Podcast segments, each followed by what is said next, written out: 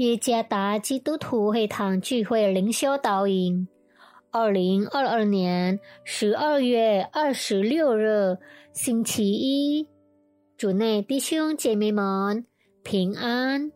今天的灵修导引，我们会借着圣经启示录二十二章第八到第九节来思想今天的主题：当来敬拜他。作者合成里传道启示录二十二章第八到第九节，这些事是我约翰所听见、所看见的。我既听见、看见了，就在指示我的天使脚前俯伏要拜他。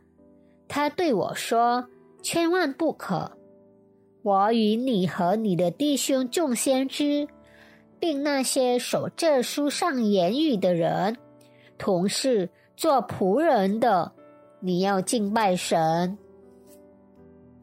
十诫中的第一条是：除了我以外，你不可有别的神。主耶稣也强调说，摩西律法中。首要的诫命就是要尽心、尽性、尽意爱神。这意味着，只有神是我们敬拜的中心，不是人、天使，甚至世界。使徒约翰在意象中听见和看见的一切，让他感到惊讶。以致他俯伏在主的使者脚前要拜他，参看第八节。但主的使者立即嘱咐使徒约翰不要拜他，唯独敬拜神。参看第九节。天使不是我们敬拜的中心，因为天使是神的使者。也是神所创造的。这并不是说使徒约翰对应该敬拜谁没有正确的理解，而是他对意象中所传达和启示他的感到钦佩。向神敬拜是启示录中的一个中心点。神对使徒约翰的所有启示，都是为了显示神无限的荣耀。每一个圣徒、长老、天使、活物，甚至受到神荣耀启示的使徒约翰，都忍不住立即俯伏在神面前，在他们心中。神才是首先和首要应当被尊崇的上帝。谁是我们敬拜的中心？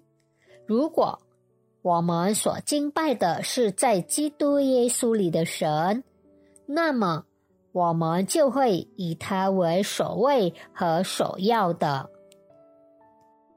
我们的心。将时刻被圣灵引导来敬拜他，顺从他的道，因他借着基督耶稣奇妙完美的救赎、荣耀的作为，我们要永远敬拜他。我们心中渴慕认识他，远胜过一切。不但如此。我们对神的敬拜也将反映在爱灵舍的表现里。基督再来的信息成为我们在生活中的各层面让神居首位和居尊贵的焦点。我们极其渴慕借着顺服神的道，能更认识他。无论是今生还是未来，上帝是我们唯一所敬拜的。